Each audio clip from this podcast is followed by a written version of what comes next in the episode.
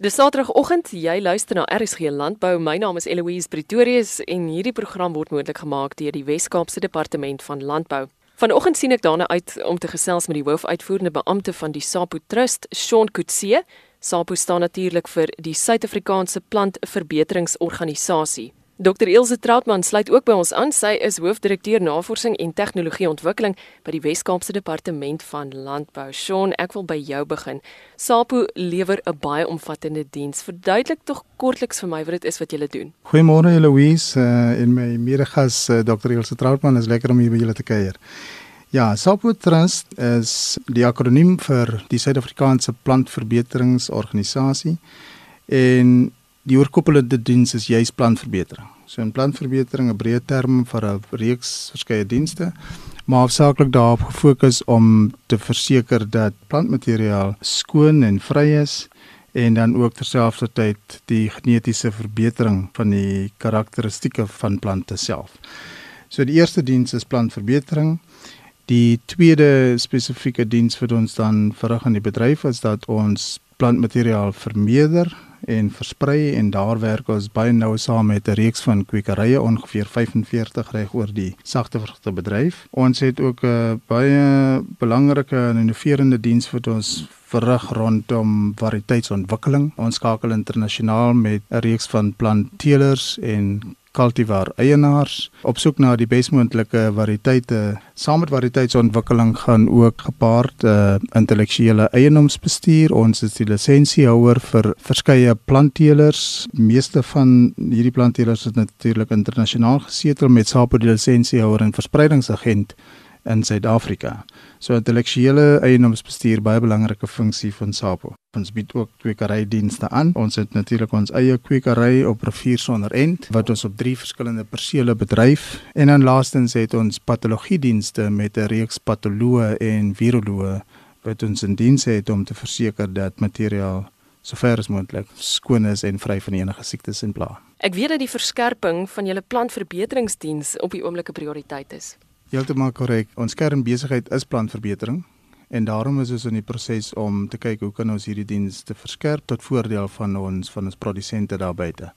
So wanneer ons praat van die verbetering van ons kerndiens, dan eerstens hoe ons dit gaan doen is om om juist by produsente en by die bedryfsektor te hoor wat is die vernaamste prioriteite op die oomblik, wat is die risiko's daar rondom En uh op die stadium is ons fokus daarop om skoon virusvrye plantmateriaal beskikbaar te stel sodat produsente die gemoedsrus kan hê om wanneer hulle plant gesonde plantmateriaal te kan plant. En daar is baie wat jy doen van die uitwissing van siektes tot sake wat betrekking het tot in en uitvoere. Ja, ons het 'n reeks van aktiwiteite wat na die aspek dryf. Ons het 'n patologie laboratorium by ons perseel op Stellenbosch. Ons het 'n spesialisvaardighede patoloog in diens. Ons het viroloog in diens. Ons het kernfasiliteite op ons perseel op uh, Stellenbosch uh, waar ons dan basies moederplante vestig en in stand hou vir die bedryf. Ons het uh, inspeksies wat ons doen op plantmateriaal by verskeie persele, kommersiële produsente sowel as kwekerye self. Ilse, dan is daar nou ook 'n vennootskap tussen die Wes-Kaapse Departement van Landbou en SAPO en dit klink vir my na 'n baie belovende een. Eloise Jares vanoggend 'n besonderse voorreg om met met Shaun in die ateljee te wees. SAPO is een van ons gewaardeerde vennote.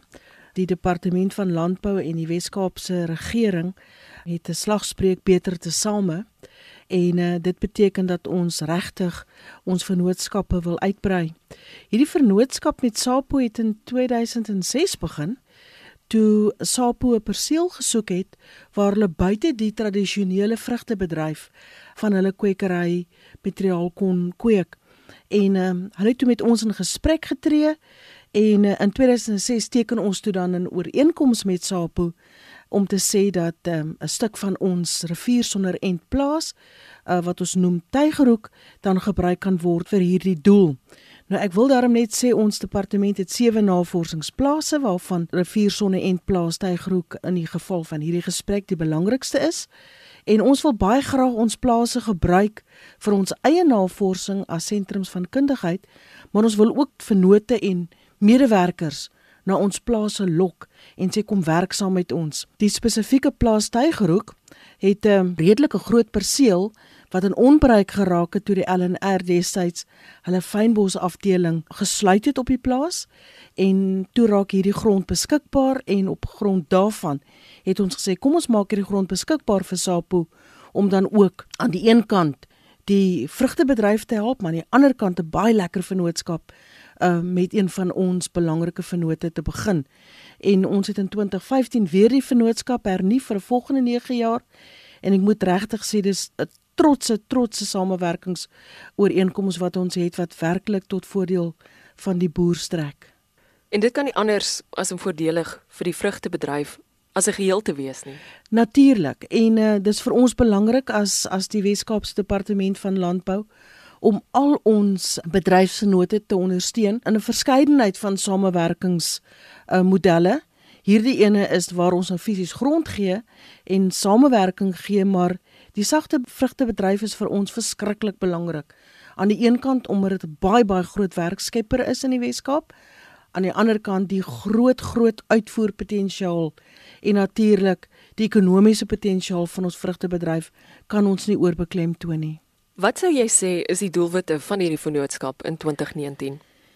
Ek dink in 2019 gaan ons poog om nog beter met SAPO saam te werk. Shaun het baie duidelik ook genoem dat hulle baie spesifieke fokusareas het in 2019 aspekte het wat hulle wil uitbrei en natuurlik hoe meer hulle wil uitbrei, hoe meer hulle meer gefokus wil wees, sal ons as departement daardie fokus natuurlik ook ondersteun.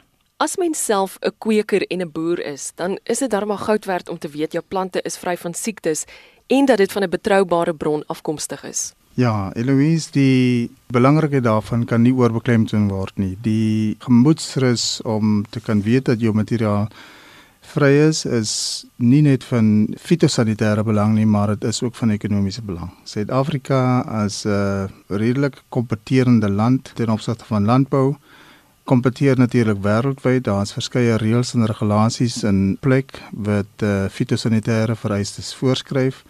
Onder die vaandel van die Wêreldgesondheidsorganisasie is daar spesifieke vereistes en die bron van materiaal wat skoon is, is inherent deel van daai proses. So as jy reg begin dan uh, beteken dit dat éventueel gaan jy redelik kompeterend kan wees in die mark.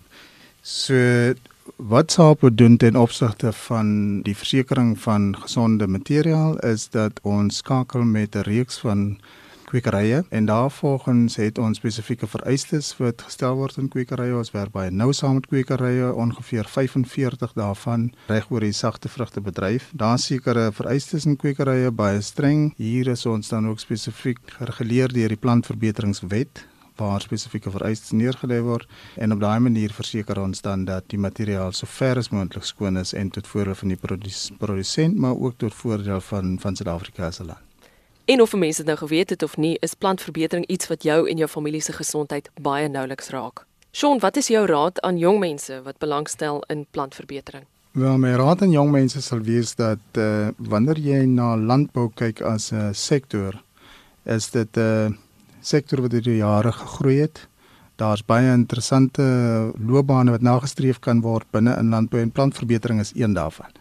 So die hele wetenskap rondom uh, plante, plantkunde, plantpatologie, plantgenetika, hortologie is maar van die opsies wat uh, jong mense na kan streef om te studeer en éventueel dit as 'n loopbaan te bedryf. Daar is verskeie reeks van loopbane. Maar terselfdertyd wil ek dan ook jong mense uitnooi om te skakel met die Skapo Trust organisasie ten opsigte van enige loopbane. Ons is oop daarvoor om met jong mense te gesels, meer advies en inligting te gee rondom hierdie spesifieke moontlikhede loopbaangeleenthede binne in die plantverbeteringsbedryf self. En daarvan hou ek baie want Elsje binne en buite die landbousektor bly vennootskappe die sleutel tot sukses. Absoluut, absoluut en ek dink wanneer die luisteraar vanoggend ook voor die radio sit, moet hulle weet dat landbou werklik so 'n akkommoderende sektor is. Aan die een kant vir nuwe toetreders, ons verwelkom nuwe toetreders met oop arms, maar ons verwelkom ook jong mense om te sê kom vestig jouself in landbou. Daar is soveel loopbaangeleenthede aan die plant en die dierekant dat jy werklik nooit verveeld sal wees nie. Maar ek wil graag ook vir die luisteraars sê dat met hierdie vennootskappe maak ons 100% seker, kom ons sê 110% seker dat wanneer die verbruiker in die supermark 'n produk koop wat landbou verwant is, dat dit die beste materiaal is wat ons geselekteer het om daardie produk op die rak te sit. Sean, waar is jy opgewonde binne die bedryf op die oomblik? Ek is baie opgewonde oor verskeie aspekte binne die bedryf en en veral ook met die oog op die nuwe jaar. Eerstens is die vennootskappe, veral optimisties rondom die feit dat ons as SAPO as 'n instansie het ons die filosofie dat ons opereer nie op 'n eiland nie, ons opereer in samehang met verskeie instansies en ons verlande vat met verskeie bedryfsektore, met kliënte op 'n individuele basis, met regeringsinstansies en 'n wye reeks van belanghebbendes wat die gemeenskaplike doel het om om Suid-Afrika 'n land te bevorder. So baie opgewonde daaroor. Ons sien uit na baie gesprekke die volgende paar maande. Ons is ook tweedens baie opgewonde oor die nuwe projek wat ons mee besig is binne in SAPO en dit is die vestiging van 'n weefselkultuurlaboratorium fasiliteit by SAPO. Ons het 'n uh, baie spesifieke ondersoek wat ons op die oomblik loods ten opsigte van die daarstel van 'n laboratorium om weefselkultuurplantjies en onderstamme meer spesifiek aan produsente beskikbaar te stel, produsente en kwekerye natuurlik. Ons is ook opgewonde om te sien hoe kan SAPO op die besmoontlike manier bydra tot die vestiging van nuwe kwekerye veral kleiner kwekerye. So en daarop sig as ons kyk as ons besig om te kyk na verskeie modelle. So baie opgewonde oor die toekoms en ons vertrou dat ons binne die volgende jaar redelik suksese gaan bereik Eloise, ek dink gegeewe die situasie in Suid-Afrika op die oomblik, baie onsekerheid by baie mense, ook die onsekerheid globaal, ook um, rondom klimaatsverandering, moet ons werklik werklik in 2019 kyk hoe kan ons beter, vinniger produseer en baie meer suksesvol wees.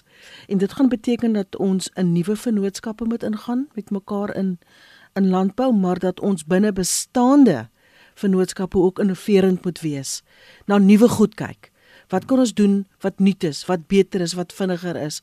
So ons moet wegbly van die ou paaie wat ons geloop het en regtig nuwe paaie loop en kyk wat regtig innoverend is en en miskien moet ek vir vir Sean uitdaag vanoggend en vir hom sê Sean kom ons kyk of ons hierdie vennootskap tussen die departement en SAPO net beter en baie meer effektief kan maak en lekker innoverend kan maak. So gesels Dr Ilse Troutman, hoofdirekteur Navorsing en Tegnologieontwikkeling by die Wes-Kaapse Departement van Landbou en Sean Kutse, hy is hoofuitvoerende beampte van die SAPO Trust. Gaan lees gerus meer op www.saplant.co.za en vind nog van ons programme op elsenburg.com en op rsg.co.za. Ek's Eloise Pretorius. Groete tot volgende keer.